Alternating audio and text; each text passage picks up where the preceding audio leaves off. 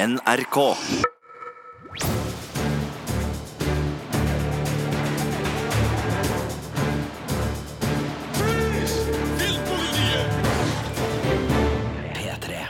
Velkommen til Filmpolitiets podkast. I studio i dag Birger Vestmo. Og Sigurd Vik. Og mot slutten av podkasten skal vi òg få besøk av vår kjære kollega Marte Hedenstad, som ellers er opptatt med den pågående P3-aksjonen.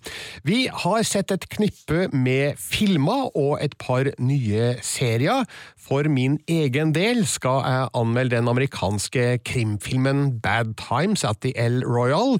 Den helt spesielle svenske Oscar-kandidaten Grensen, som handler om et spesielt forhold, og den eh, norsk-svenske dokumentarfilmen Rekonstruksjon Utøya, der fire overlevende gjenskaper noen av øyeblikkene de husker fra den fatale dagen.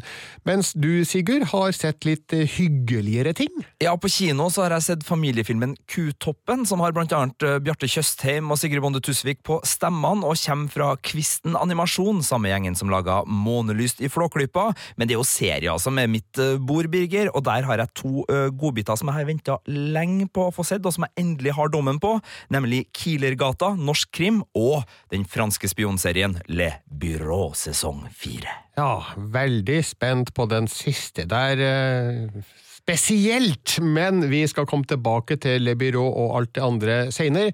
Nå nærmest skal det handle om den amerikanske premierefilmen Bad Times at the El Royal.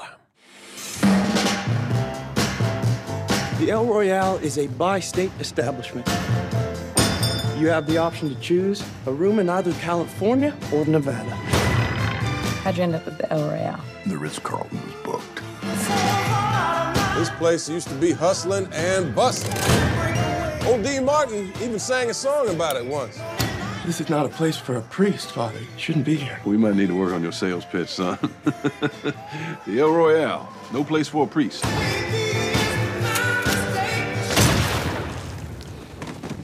Ja, man hører jo av eh, det her lydklippet fra traileren at Bad Times at the El Royal prøver å være en kul film, og jeg vil påstå at den greier det nesten hele veien.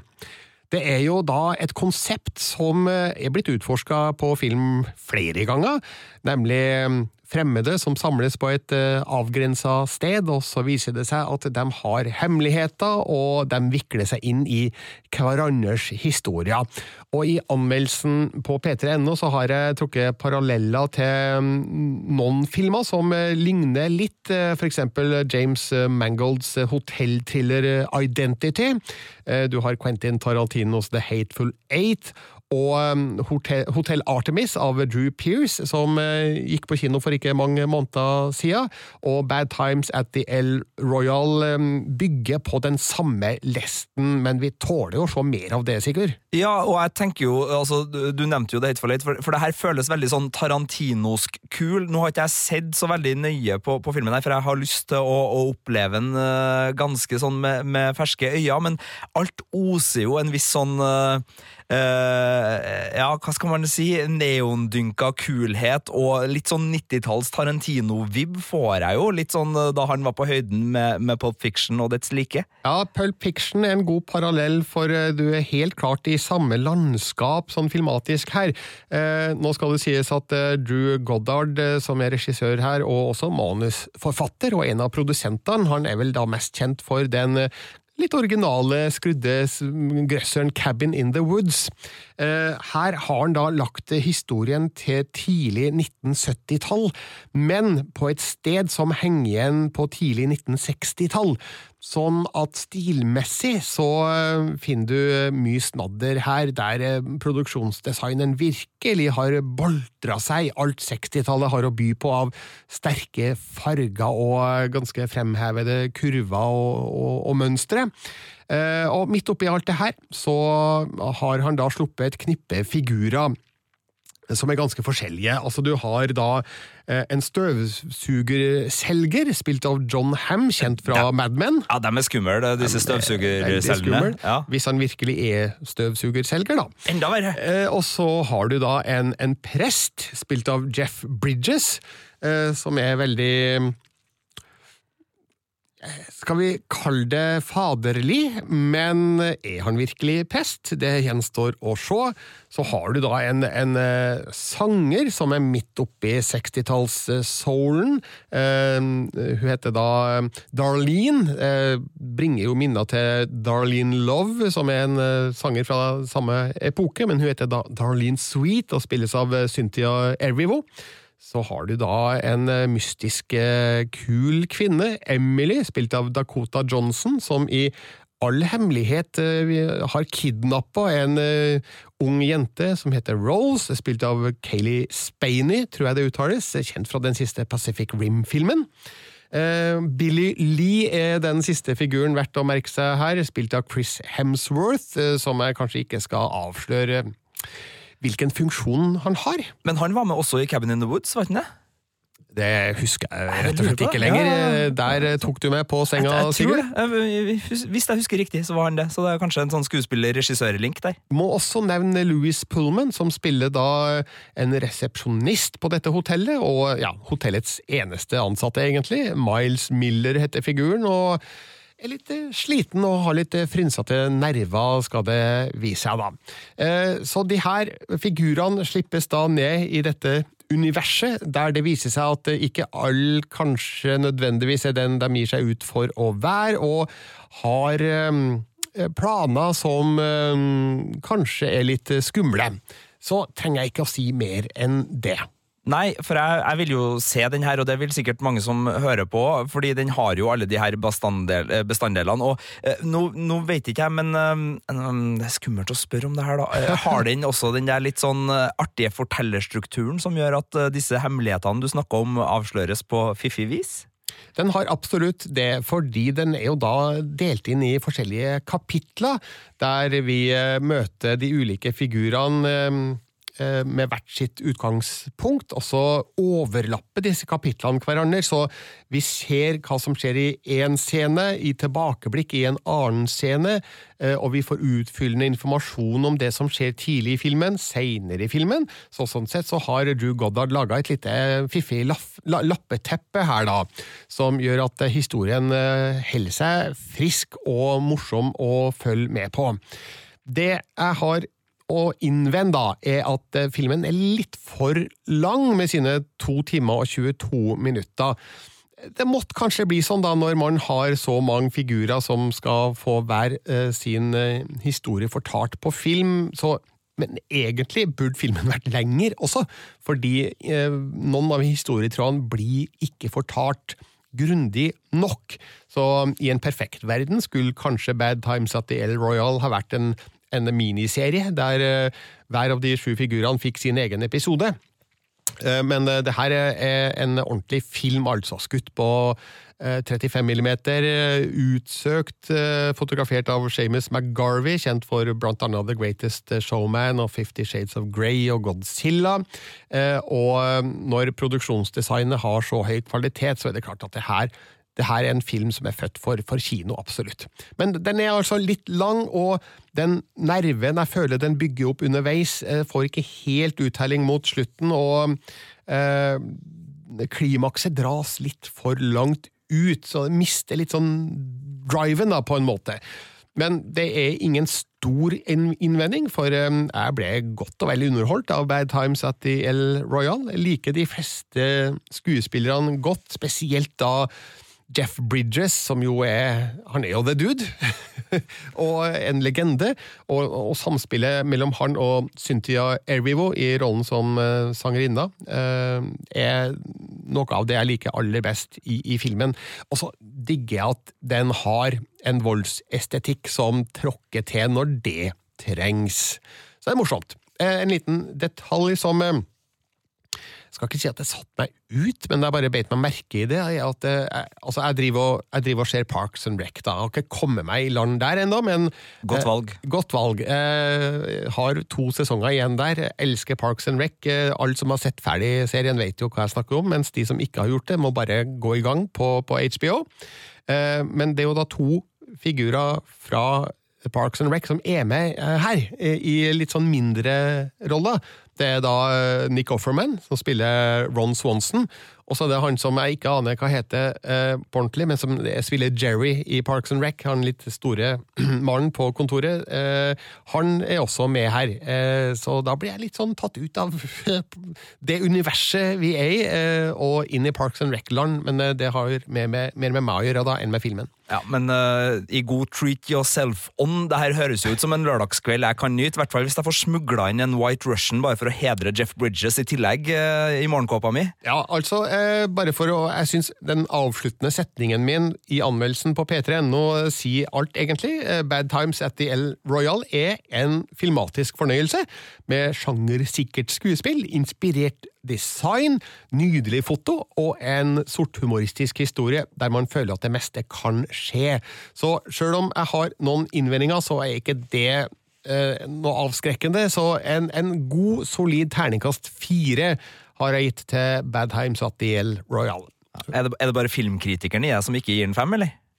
Det er et farlig spørsmål du stiller der, Sigurd. Jeg tror jeg skal la være å svare på det, men eh, vi vet jo begge to at terningkast fire det er mer enn godt nok til å gå på kino og se på en film og bli godt og vel underholdt. Da skal vi over på um, den svenske premierefilmen som vant uh, hovedprisen på Øser Terregar i Cannes i mai, og er valgt ut til å være Sveriges Oscar-kandidat. Den heter Grensen. Da jeg var liten trodde jeg at jeg var noe spesielt. Jeg hadde en ulike ideer om meg selv. Men sen ble jeg voksen og fattet at jeg är bara människa. Vem är du? Det är mycket du inte känner till. Om du är annorlunda än andra så är det för att du är bättre än dem. Grensen er en fantastisk film. Eh, Utfordringa mi her er at eh, man bør egentlig ikke vite eh, så mye om handlinga før man ser den, men jeg skal, jeg skal si litt, uten at det på noe som helst vis er spoilers. Det handler om en toller som heter Tina, spilt av Eva Melander, som eh, ikke har utseendet med seg, eh, men det hun har er en fenomenal luktesans. Eh, Hun kan nemlig sniffe seg fram til smuglere og andre lovbrytere. Altså, hun kan lukte frykt og nervøsitet eh, på en eller annen mystisk måte. Kjente jeg ble både redd og, og nervøs eh, når jeg skal ut og reise neste gang, men Eh, fortsett. Um, og så um, kommer det da en reisende forbi eh, disken hennes, eh, der hun står og er toller. Eh, han har heller ikke utseendet helt med seg, og viser seg å ha noen av de samme egenskapene som det Tina har, og dermed fatter jo hun en ekstrem interesse for han. Altså, hvem er han, og eh, hvorfor har de eh, så mye til felles? Det blir et eh, et bekjentskap som baller på seg, for å si det sånn. Vi lar det være der med det. Eh, trenger ikke å si mer. Men eh, historien tar noen, vendinger som er helt eh, utrolige og fantastiske og morsomme og spennende og rørende og alt på én gang. For her handler det da om eh, eh, en person som eh, får hele sin eksistens satt i et nytt perspektiv. Får endra sin oppfatning av sin, sin plass i verden. Og ja, hun får ny sjølinnsikt, øh, rett og slett. Jeg tror vi godt kan si det. Eh, og så har da regissør øh, Ali Abbasi, som er svensk-iraner, han har benytta nordisk natur på helt utrolig måte. Eh, også her må jeg trekke frem eh, fotografen som eh, heter Nadim Karlsen, som også fotograferte eh, Hva vil folk si? av Iram Haq, og den forrige filmen til Ali eh, Abbasi som het Shelly, som hadde Ellen Dorrit Petersen i, i hovedrollen. Her får du da eh, svensk skog eh, sett gjennom nye øyne, kan man, si, og er med da på å gi filmen en helt unik identitet. Eva Melander og Ero Milonov eh, heter de som spiller hovedrollene, og eh, de ser nok ikke ut sånn som de gjør i filmen i virkeligheten. Her er det noe maskering eh, på gang som er brukt, og det er utrolig godt gjort, og gir disse figurene et spesifikt uttrykk som er med på å fremheve sida av historien, som jeg ikke skal gå, gå inn på her. Da snakker vi full analog maskevirksomhet, og ikke noe CGI-helvete her, Birger? Ikke noe CGI-helvete her som jeg kan uh, se, altså. Så uh, dette er meget uh, godt gjort. og begge skuespillerne bruker jo maskene sine til å skape noen uforglemmelige figurer med helt unike kvaliteter kan vi si. Jeg så denne filmen da på filmfestivalen i Cannes, og det, var, det, var, en av de aller beste, om ikke den beste, jeg så der, så jeg gleda meg til at den skulle komme på, på kino i, i, Norge, for å kunne anbefale den til, til alle. Eh, det er en film ulikt det meste du har sett på, på kino, og det er kun positivt ment. Så nå har jeg gitt en ternekast terningkast fem til, til grensen. Eh, den, den, lå vippa mellom fem og den karakteren som ligger over, og så turte jeg ikke helt å gå helt til topps. Så eh, ikke spør meg hvorfor, for det her går på sånn ikke-vitenskapelige tanker og følelser og synsing i øyeblikket, men en solid terningkast fem, i hvert fall da, til grensen. På grensen til seks? På grensen til sex, man kan godt si det. Så det her håper jeg er en film som eh, når ut til publikum. Jeg fikk et tall fra den norske distributøren Another World Entertainment eh, som sa at den eh, setter av 65 000 så langt i, i Sverige. Og vel, jeg syns jo den er verdt samme besøkstall i Norge. Det vil jo tida vise om den oppnår, men det er helt klart en av de mest eh, spesielle filmene som det går an å se på et stort kinolerret eh, i år, og er hjertelig anbefalt eh, fra meg. Terningkast fem, altså, til Grensen. Så skal vi over til en norsk film som er beregna for hele familien, og denne er det du som har sett, Sigurd? Det er det. Vi skal til Kutoppen. Det går ikke an å bake en eneste eplekake så lenge bølla er her. Jeg tror det er ei bølle som spiser opp alle eplene og kakene. Hei, Bengt! Hei, Bengt! Er det du som driver og bøller rundt på gården min? Jeg tror at han har fått kugalskap. Jeg har plukket alle eplene. Bølla kommer til å ta alle eplene. Få dem her før han kommer. Ja, her hørte jeg i hvert fall Fridtjof eh, Saaheim, som tydeligvis eh, har lagt til en stemme i Kutoppen. Eh, så til gangs, og det er nettopp de norske stemmene i denne norske animasjonsfilmen som er det som virkelig gleder meg. Han er en av de absolutt. Så kan man slenge inn Bjarte Tjøstheim som en fisende demonskurk. Man kan slenge inn Sigrid Bonde Tusvik, som gjør en, en fin rolle som mor. Man har Marit Andreassen, som er kjempegod som den meget selvhjelporienterte høna Chicolini, uh, nei, Chicolina.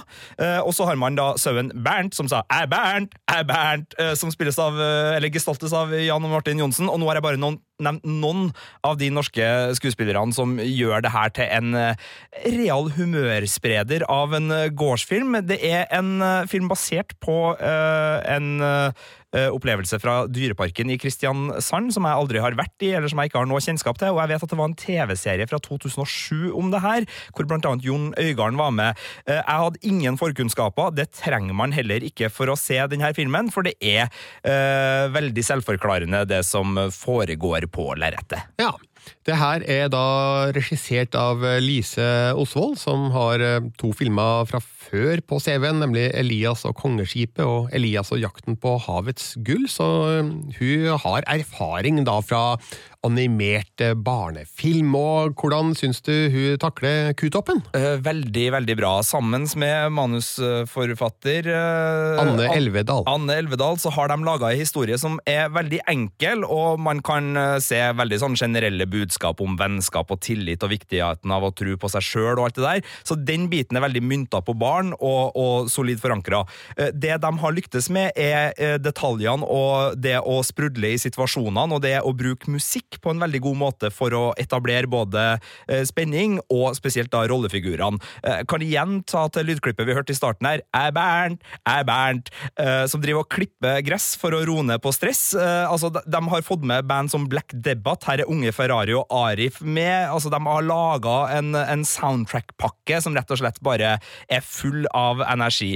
Det er også en ganske kort film på 66 minutter, så her trykkes det sammen. Det er ikke noe døtig her, det er tut og kjør. Men fordi Nettopp fordi historia er såpass enkel at alle henger med i alle svinger, så kan de gjøre det. De kan ta snarveier, og selvfølgelig, hvis jeg hadde vært en surmaga kritiker, så ville jeg pekt på øh, klisjébruk og, og, en del sånne ting i historia, og at det kanskje ikke er alt som svinger like godt der. Men det er ikke det den filmen her prøver på. Den baserer seg på ganske enkle barnefilmklisjeer, men de koker det sammen til noe nytt og spennende, og noe som rett og slett bare sørga for at jeg gikk ut av kinosalen med et stort glis. Og det må sies at Bjarte Tjøstheim har en stor uh, del av æren for det, for han er helt fantastisk som skurken her.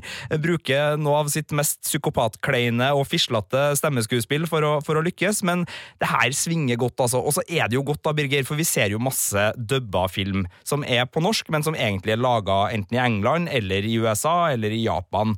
Og da funker det jo ofte, men det er jo ikke bestandig at alle vitser lar seg oversette, og at det liksom blir bedre på norsk. Jeg vet ikke hva du tenker om sånne ting?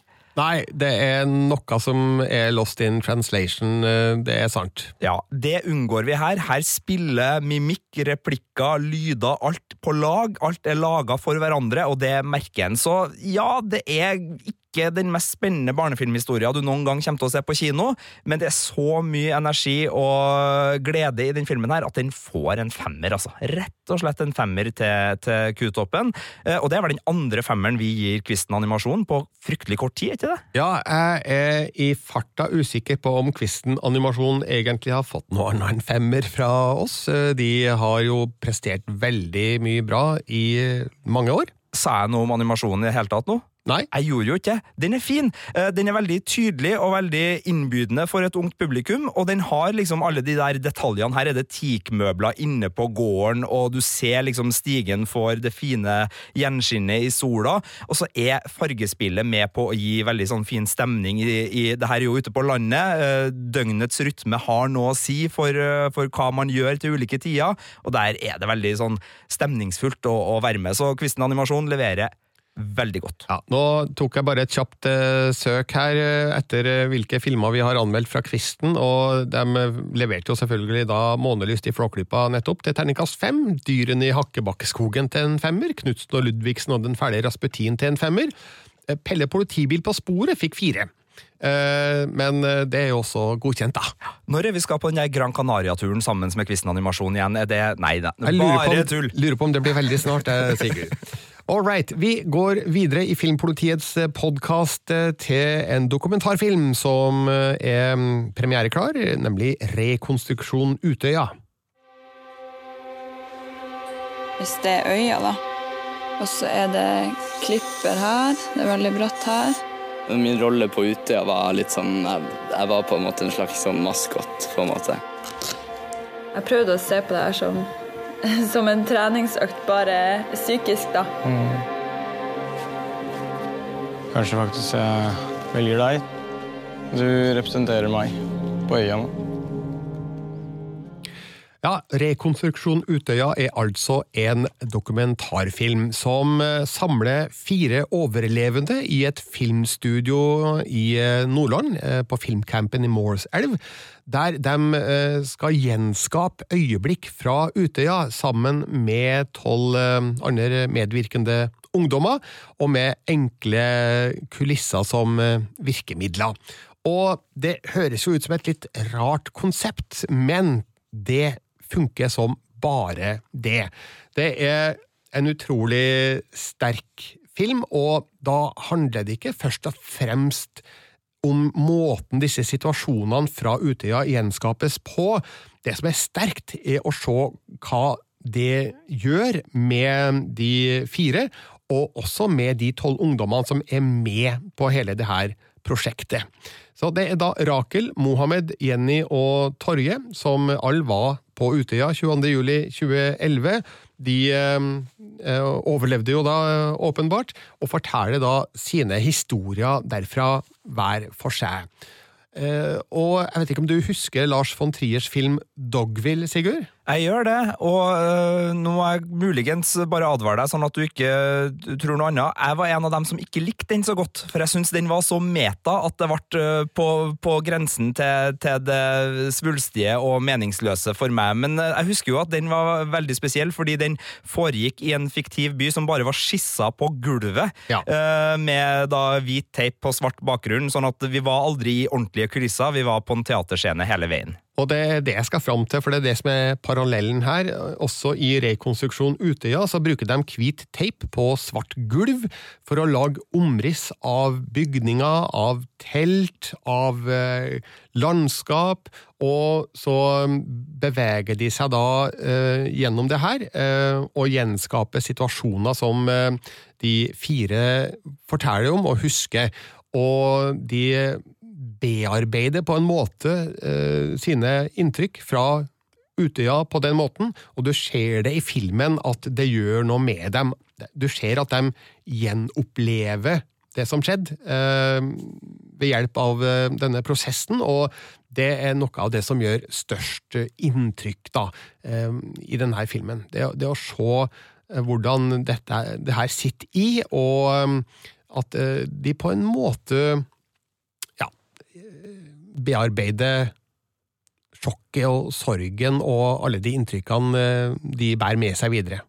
Jeg tenker jo eh, at uh, i dette tilfellet så vil jo en sånn kulisse ha en mye større mulighet til å få fokuset på personene og deres reaksjoner. For hvis man er ute i kulisser som er naturlig, så, så, er jo det blikkfang, og man følger ting her. Her er det jo svart på hvitt, bokstavelig talt, bak dem. Hvordan får man brukt den biten med tanke på fokuset på, på personene og reaksjonene? Jeg tror at det er kanskje en veldig smart måte å gjøre det på, for det hadde muligens blitt litt skal vi si morbid hvis de skulle ha gjenskapt Utøya ordentlig i filmstudioet. Gjenskap uh, dette det interiøret i uh, huset og uh, og lagt dem i et ordentlig telt, i et teltområde, liksom. Det hadde blitt for sterkt igjen. Så det er mulig at det her var den smarteste måten å gjøre det på. Bare bruk veldig enkle virkemidler, og la eh, historiene taler for seg, da. Men, eh, men likevel, har brukt disse teipstrimlene som et slags eh, eh, rammeverk da, som de kan fortelle historiene sine i. Og det fungerer veldig godt. Eh, godt regissert av den svenske Carl Javer, som da lar de fire få god tid til å fortelle om sine opplevelser, og filmen gir samtidig et godt bilde av hvordan de kjemper for å komme seg videre i livet, og som filmen sjøl sier, snu frykt til håp. Og man får jo et snev av håp gjennom å, å se denne filmen. Altså et håp for at de fire skal greie å komme seg videre og, og, på en måte legge Utøya bak seg, sjøl om det selvfølgelig alltid vil ligge der. Eh, så det er en film som eh, utfyller de andre Utøya-filmene vi har sett i år, både Erik Poppes Utøya 22. juli og Paul Greengrass sin 22nd eh, of July. Når det gjelder sistnevnte, så har jeg et lite tips om å kanskje se rekonstruksjon Utøya først, og så Greengrass-filmen på Netflix etterpå, og det har med en av historiene som fortelles eh, å gjøre, for eh, hvis du ser Greengrass-filmen først, så mm, er det dramaturgiske grepet de gjør i rekonstruksjon Utøya, allerede avslørt.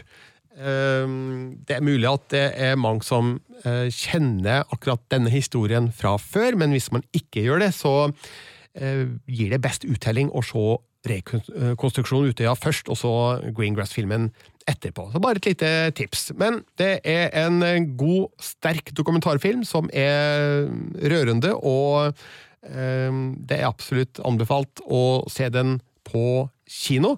Så det er da en god femmer til rekonstruksjon Utøya. Så det er, vet du, én, to, Det er den tredje femmeren vi gir i dag, eh, Sigurd. Hvordan skal det her gå? Det er jo kjempebra. Det er jo så mye god film eh, på kino denne helga. Det er jo eh, fantastisk. I forrige uke også, så regna jo femmerne over både First Man og, og Phoenix og A Star Is Born, så det er virkelig en god eh, kinohøst. eh, Med mindre det er vi som er litt for positive, da. Jeg vet ikke. Nei da, vi, vi slakter når vi må, Birger. Høstslaktet kommer kanskje neste uke. Hvem vet? Vi forlater kinofilm for øyeblikket. Vi kommer tilbake i slutten av podkasten da Marte Henstad kommer innom for å snakke om The Miseducation of Cameron Post.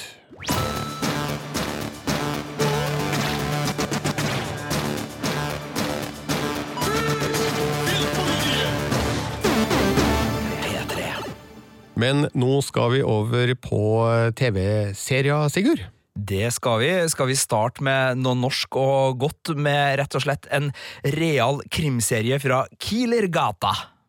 Nei, Jeg har gravd fram noen greier som kan snu hele dette jævla stedet på huet. Det er flere folk her som ikke er det de utgir seg for å være. Mye peker mot at de har forandra navn, at de har forandra identitet. Det er fullt av hull, og det er inkonsekvente detaljer. Særlig hos deg.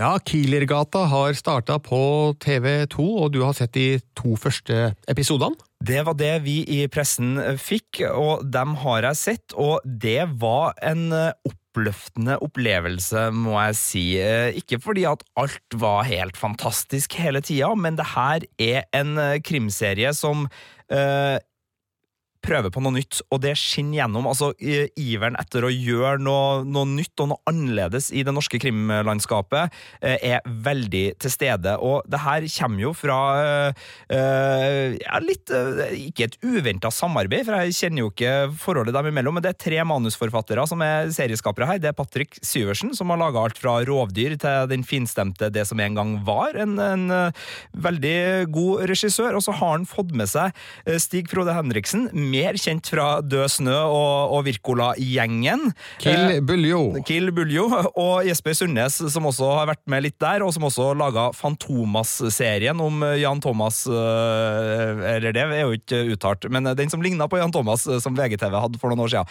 Så det er et, et team det her som både har beherska eh, det litt absurde og det sjangerartige, men også da kan drama, virkelig. Og på, i tillegg så er det Patrick Sivertsen som har regi på det her, og han har fått med seg Cecilie Mosli, som også er meget dreven, kjent annet fra Mammon og eh, ikke minst Grace Anatomy, som hun var og laga noen episoder av i Uniten Blass, så, så det er kvalitet i, i grunnpakka her. Og eh, også den her eh, balansen mellom deres bakgrunn kommer fint til stede, for det her er sort humor blanda med en krimthriller. Eh, det som er annerledes eh, med den her, er at eh, der nordisk noir nå har dominert med betongbleike scenarioer med etterforskere som jager mordere i, i mange år, så er det her mer en sånn skurkeorientert serie som vi kjenner fra Fargo og Ozark, og den bruker veldig mye av den amerikanske småbykrimtradisjonen som Twin Peaks er hjørnesteinen for. Og da tenker jeg, her har vi dinere, her har vi du vet, skapet på high schoolen. Der foregår det mye rart ofte, Birger. Der er det hemmeligheter og sånn. Sånn er det også her. Og det er en mystisk forbryterorganisasjon som ligger og lurer over det hele, som ikke er en sånn klassisk, realistisk type MC-bande eller noe sånt her. Her er det noe, noe mer strukturelt på plass, som man kanskje kan kjenne igjen fra filmer som John Wick, eller den nevnte Hotell Artemis, var ikke det vi kalte den, Mm. eh, her tidlig. Så, så den låner fra en helt annen del av fiksjonsuniverset enn vi er vant til når det gjelder norsk krim. Og det funker. Premisset er at Jonas, spilt av Torbjørn Harr, lever et idyllisk liv i Kielergata. Eh, så begynner naboen hans å snus i fortida hans og finne ut at Jonas har ikke alltid hett Jonas før, så het han Stefan. Og det fører til at eh, Jonas må ta et eh, litt blodig grep om situasjonen for å unngå at eh, gamle hemmeligheter skal tyte ut i hans nye fasade. Og så skjønner vi etter hvert at han er ikke den eneste som bor i den gata som har en skjult fortid.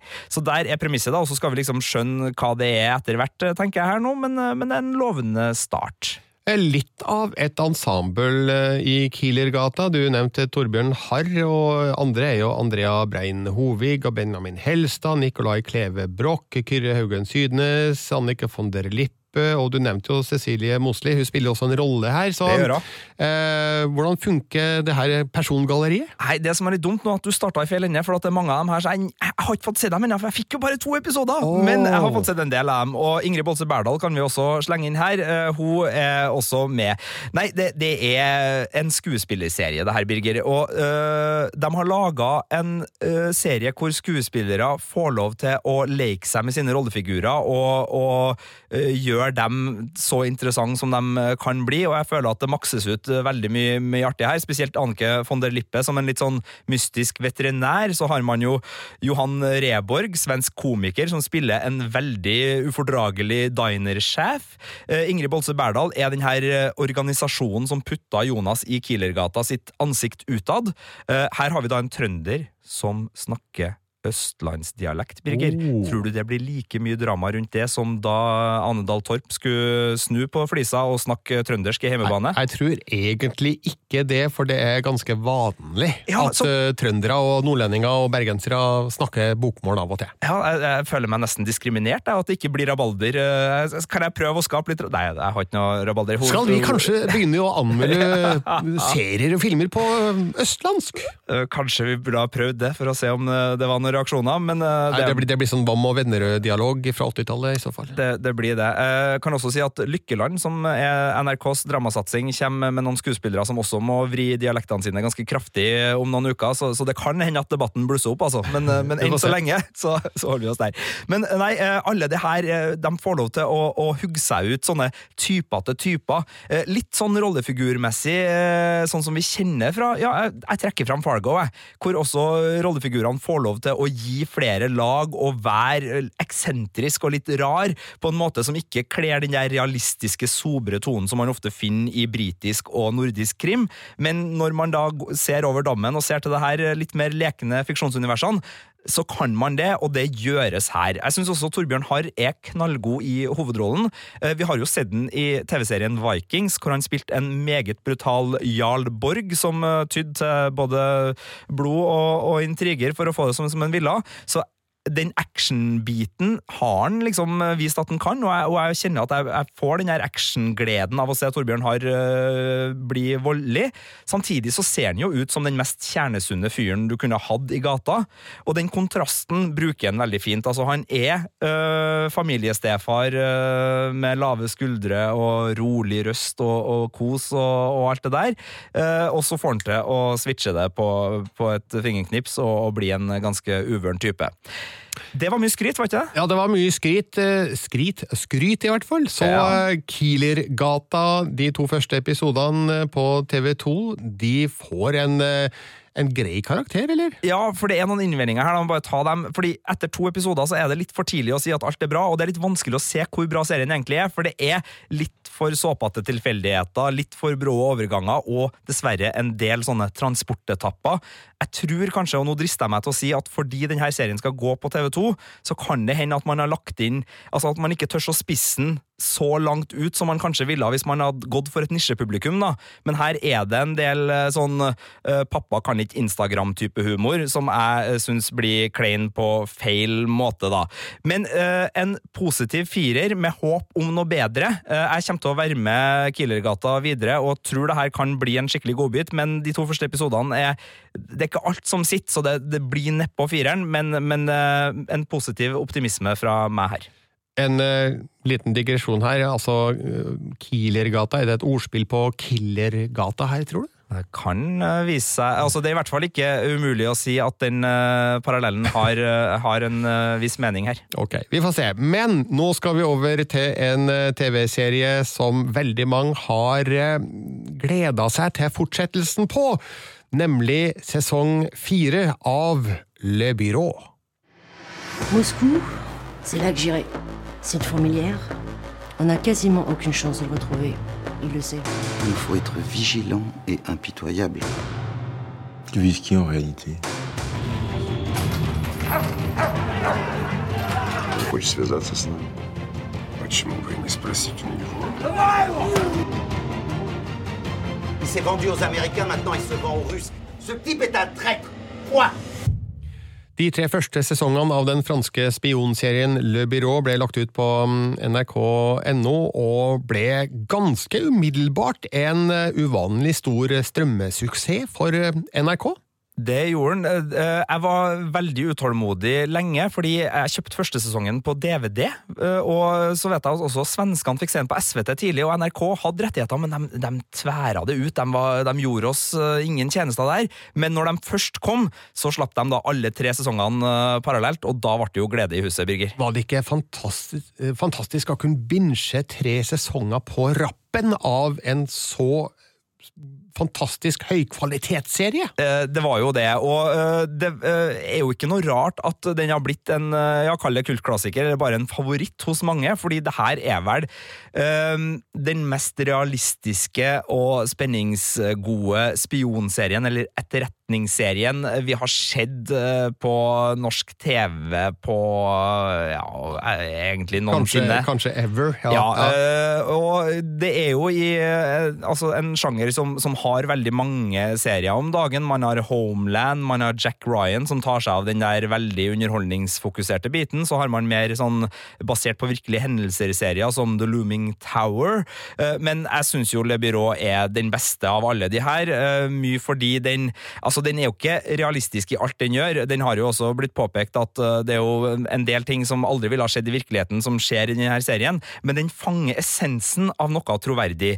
Og uh, den ønsker å kunne gi et innblikk i hvordan det her faktisk foregår. Uh, og det er jo den realismen som gjør det her så ekstra hyggelig. Og i tre sesonger nå så har vi fått uh, ulike sider av etterretning. Vi har vært mye i Midtøsten. På sesong fire så drar vi over til Russland, og det føles veldig aktuelt. Og det handler mye om hacking og cyberangrep og kunstig intelligens eh, i det som da møter våre venner hos den franske etterretningen nå. Bare for å ta det viktigste først. Sesong fire av Le Byrå har premiere på NRK tirsdag 23. oktober, så da er det bare å gå i gang igjen. Og du, Sigurd, har allerede sett de to første episodene, eh, men skal ikke anmelde de nå? Eh, Nei, jeg sitter og håper på å få sett enda litt flere episoder før jeg kommer med noe, noe terningkast og en eh, full anmeldelse, men eh, det, det nærmer seg. Men jeg får da si hva jeg syns etter de to første episodene. Ja. det kommer også to og to episoder, så det blir ikke ren binsjing denne gangen fra, fra første stund, men to og to episoder i ukene som, som går da på, på NRK fra tirsdag 23. Og for de som nå tenker at oi, nå skal NRK være trege igjen, så er det ikke NRKs skyld. Vi får nemlig da lagt ut episodene dagen etter at de har hatt premiere på Kanal Pluss i Frankrike, så det her er så kjapt som det egentlig går an. Ja, nå er vi endelig på ballen. Eh, Nå er vi er vi endelig på ballen. Men, men ja, de to første episodene, hvilke inntrykk sitter du igjen med? Nei, det her er fremdeles en sånn serie som du ikke kan sitte og fikle med telefonen ved siden av. Du må følge med hele tida, både fordi at øh, Ja, med mindre du er steingod i fransk, så foregår det jo på fransk, da, men også fordi at øh, her er det en øh, serie som kommuniserer både med bilder og ord og alt, og du må følge med på detaljene i bildekanten for å være med. Så konsentrasjonsøvelsen Le Byrå øh, vedvare. Den, den, den krever såpass, så det er ikke en, en lettvint serie sånn. Eh, Det er fremdeles en serie som eh, føles veldig aktuell og veldig realistisk. Den eh, har ikke endra voldsomt til tempo. Det eneste er at etter fire sesonger så er det selvfølgelig litt vanskelig å kjøpe at uh, enkelte spioner skal ut på nye oppdrag etter at de har blitt avslørt. Det er også en, eh, en innvending som har kommet fra, fra spionhold i Frankrike. Uh, Jeg leste i Dagens Næringsliv et intervju med, med flere av de som er med og, og skaper serien, eller er serieskaperen og noen fra da, det franske etterretninga som kommenterte her. Uh, Og det, det river litt da i den realismen, men ikke mer enn at man tilgir det, for det er jo en, en spenningsserie og ikke en dokumentarserie, det her. Og, ja, og vi vil jo følge eh, disse figurene Det er akkurat det. eh, Man vil det. Men eh, jeg skal Jeg vet ikke hvor mye kan jeg spoile her, Birger. Du skal jo se det her. Vil du vite hva det er som liksom er premisset Nei, for du- sesongen? Eller Nei, hvis jeg har sagt Russland, har jeg sagt nok, da? du har, jeg tror du har sagt nok, egentlig. Ja. Jeg føler at jeg har egentlig ikke lyst til å høre så mye mer om selve spesifikke handlingsutviklinga her. Det er litt skummelt å si, fordi det er jo den store gleden er jo i å se hvordan det, det fanges opp. Men jeg kan eh, si det at eh, hacking og noen nye ansikt i, etterretninga angående den biten blir eh, sentral, og det er kult, fordi det er spennende tema, og det er kule nye rollefigurer som kommer inn der, og det er mye sånn uh, artig to and from da, på, på det med, med litt sånn hverdagshacking og, og artige ting der, og du kommer aldri til å sove godt med telefonen ved siden av deg igjen etter å ha sett sesongåpninga. sesongåpninga. Uh, Så den er jo grei, uh, og så er det jo også sånn at eh, den er veldig god i samtalene. Uh, altså, det var et strekk i eh, slutten av episode én som jeg måtte se to ganger, rett og slett fordi at jeg syns det var så rørende godt å se på. Eh, for det er ikke en serie som kimser av kunsten å eh, være lyrisk og menneskelig og ganske dyp når den har anledninger, og, og det gjør serien også nå. fordi det er klart, det å være spion, det å leve i denne etterretningsverdenen, er sånn privatlivsmessig bare helt jævlig til tider. Eh, og det å ta seg tida ta seg tida til å fange opp det elementet og, og dyrke det på en troverdig måte, og ikke bare ras forbi det i all verdens fart, er kjempefint. Og så er det jo fremdeles en serie som klarer kunsten å få et kontorlandskap til å være en eh, spennende plass å være.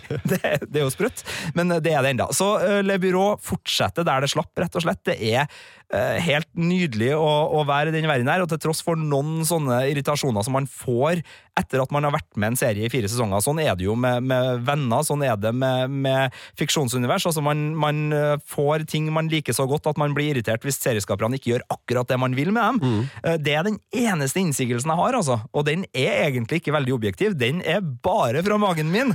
Så, så det her er top notch. Da får vi vente i spenning om du får anmeldt ordentlig, hvis du får noen flere Ja, det kommer episoder. anmeldelse uansett, altså. Ja, det gjør det. Le Byrå har da premiere, som sagt, tirsdag 23. oktober på NRK. Klokka seks om morgenen på nett. Klokka seks om morgenen, så da kan du se begge episodene før du går på jobb. Det er jo kjempebra. Eh, Det vil også da komme to nye episoder ukentlig, som du sa, og eh, hvis du ikke har begynt å se Le Byrå enda, så ligger de tre første sesongene også på NRK TV, så gå i gang og binge.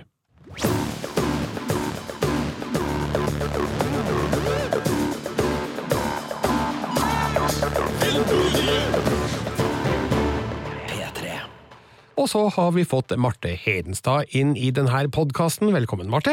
Velkommen til meg selv! Ja, fordi nå skal det handle om en film du har sett som verken Sigurd eller jeg vet noe som helst om. Ja, det stemmer. Eh, Jeg har nemlig vært og sett The Miseducation of Cameron Post.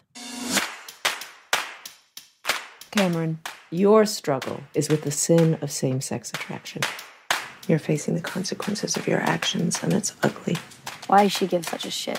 I guess it's like having your own Disney villain. Only this one won't let you jerk off. Filmen heter altså The Miseducation of Cameron Post, og ja, hva slags film er nå det her, Marte? Eh, Det her er en eh, indiefilm sådan. eh, Vant den gjeveste prisen på Sundance-festivalen i år. Og den handler da om unge Cameron, som spilles av Chloé Grace Moretz, som er en eh, vanlig tenåringsjente, eh, og som veldig mange andre tenåringsjenter, så driver hun også og kliner litt rundt med eksempel noen hun liker når det er prom night. Eh, Men synd for Cameron, hun blir busta av kjæresten sin når hun kliner med bestevenninna si. Mm, Eh, og, og det er kanskje litt mer en klining, og det er noen truse som er nede, og diverse. Og da settes jo ting i sving, og Cameron eh, sendes raskt eh, hjemmefra og til eh, God's Promise, som er da en kristen institusjon eh, hvor man skal kurere ungdommer eh, som sliter med SSA, Same Sex Attraction. Akkurat, så her handler det om seksuell identitet i en veldig konservativ del av USA, er det sånn å forstå? Det er helt riktig. Vi befinner oss i Montana, eh, og vi befinner oss også på 90-tallet. Eh, Den eh, filmen her er basert på en bok med samme navn, som er skrevet seinere, men som er da satt til 90-tallet. Um, Og det er kanskje noe av det jeg syns er det svakeste med denne filmen. Vi befinner oss da på denne denne campen, eh, hvor disse ungdommene går på skole og bor og har egentlig ingen kontakt med omverdenen. Um, og jeg Det aner meg at grunnen til at de har beholdt 90-tallet eh, i filmen, er at de um, da på en måte luker ut internett og mobiltelefoner og sånne type ting. Men eh, bare sett ut ifra hvordan denne institusjonen behandler ungdommene på, så hadde det jo ikke vært noe problem for dem å på en måte tatt fra dem mobilen da de kom. Eh, sånn at eh, jeg syns det er litt sånn synd, fordi at eh, den får litt mindre slagkraft eh, av at den er satt til 90-tallet, men det kan vi komme tilbake til. Men eh, det her er en film som eh, er ganske sånn nedpå. Eh, og faktisk morsom, ganske morsom til tider, og lun og fin. Eh, fordi det er eh, et sånt herlig vennskap som eh, utvikler seg med Cameron og to andre i denne campen. Jane Fonda, ja, hun heter jo virkelig det. Det blir jo selvfølgelig sagt i filmen. Spilt av Shasha Lane, som jo spilte i Honey, som jeg vet du var veldig begeistra for, Birger. Veldig begeistra for. Og hun spiller en, en av de som på en måte klarer å stå imot dette presset fra de kristenkonservative, og på en måte innser at det her bare er et tullete sted å være. Eh, og Adam, spilt av Forrest Goodluck, eh, som man så som sønnen til Leonardo DiCaprio i The Revenant. Eh, og disse tre blir et sånt lite trekløver som, som har hverandre i denne elendigheten. Um, og det er ganske mange sånne koselige scener uh, med dem underveis, um, som også på en måte gir oss litt sånn derre ja, de er flinke til å reflektere over hvem de er, eh, og, prøver å finne ut av hvorfor de er som de er. Så um, det, det fungerer, det vennskapet mellom dem. Jeg jeg har jo et spørsmål, fordi du sa at filmen var litt feig Ja. etter at du hadde vært og sett den. Og da snakka mm. vi om at Riverdale, en av de mer populære ungdomsseriene som eh, her i Norge går på Netflix om dagen, har jo tatt for seg akkurat den samme mm. problemstillinga nylig. eh, Da riktignok i en mye mer såpete stil, hvor Cheryl Blossom, en av eh, eh, de mest populære jentene da på, på skolen i Riverdale, blir sendt på en sånn her eh, streng, streng, eh, nesten sånn anstalt for å kureres, da, hvor de sitter og ser filmer. Ja. Lagt en litt sånn 50-tallsestetikk som viser sånn her uh, This is Robert. Robert is about to do something very, very bad. Eh, men eh, men altså, eh, det at de har lagt det til 90-tallet, altså, ufarliggjør det det? Klarer det å bli relevant for folk som Ja. kanskje har eh, behov for å se en sånn her type film Ja, i, i dagens Som jeg nevnte innledningsvis, så er akkurat det med 90-tallet det svakeste leddet i, i denne filmen. Fordi at jeg syns det distanserer handlingen fra eh, nåtida på en unødvendig måte, eh, som gjør at den gjør, gjøres mindre relevant, og også nesten romantiserer det lite grann. Eh, fordi eh, filmen tar ikke ordentlig inn over seg konsekvensene eh, som dette her får for ungdommene. Vi er innom noen litt sånn mørke deler underveis, eh, hvor vi ser noe av konsekvensene på, på, det, på hva eh, det å undertrykke sin egen seksualitet kan gjøre med, med ungdom, men jeg syns ikke det gjøres godt nok, og, heller, og ikke grundig nok. Og så er det en liten sånn derre følelse av at det skal bli bedre. Det skal bli at vi har en lysere fremtid i møte. Eh, Det er en sånn scene mot slutten av filmen hvor det er noe sånn der, et sånn klistremerke med noe, med noe Bill Clinton eh, Stem på Bill Clinton-opplegg og sånn. Eh, Og en sånn der følelse i lufta av at nå er vi på riktig vei. Og det, det syns jeg blir litt sånn feil, når vi vet at sånne camper som det her eksisterer faktisk fortsatt i dag. Og vi vet også at ehm, eh, homofile eh, tenåringer som lever i konservative miljøer, at det er en mye høyere eh, selvmordsrate blant dem enn van, en vanlig ungdom. En ungdom som er eh, heterofile. Eh, og, mm, og da syns jeg det blir veldig feigt å sette det her til 90-tallet, og samtidig gi det en litt sånn derre men nå skal det bli bra feeling! Eh, og da kjente jeg at jeg ble litt sånn Hvorfor kunne de ikke satt det til nåtiden, slått litt hardere, gjort det til mer en samfunn, samfunnskritisk film? Da hadde, den, da hadde den sittet litt sånn hardere i kroppen og blitt enda bedre. Nå er den en sånn trivelig, med noen vonde scener, film om å på en måte finne seg selv og, og finne venner. Det virker som at uh, seksuell identitet går som en rød tråd gjennom uh, regissør Desiree Akavans uh, karriere så Mhm. langt. Jeg ser på Internett Movie Database at hun har spilt og og regissert serien The Slope, som handler om overfladiske, homofobiske, lesbiske.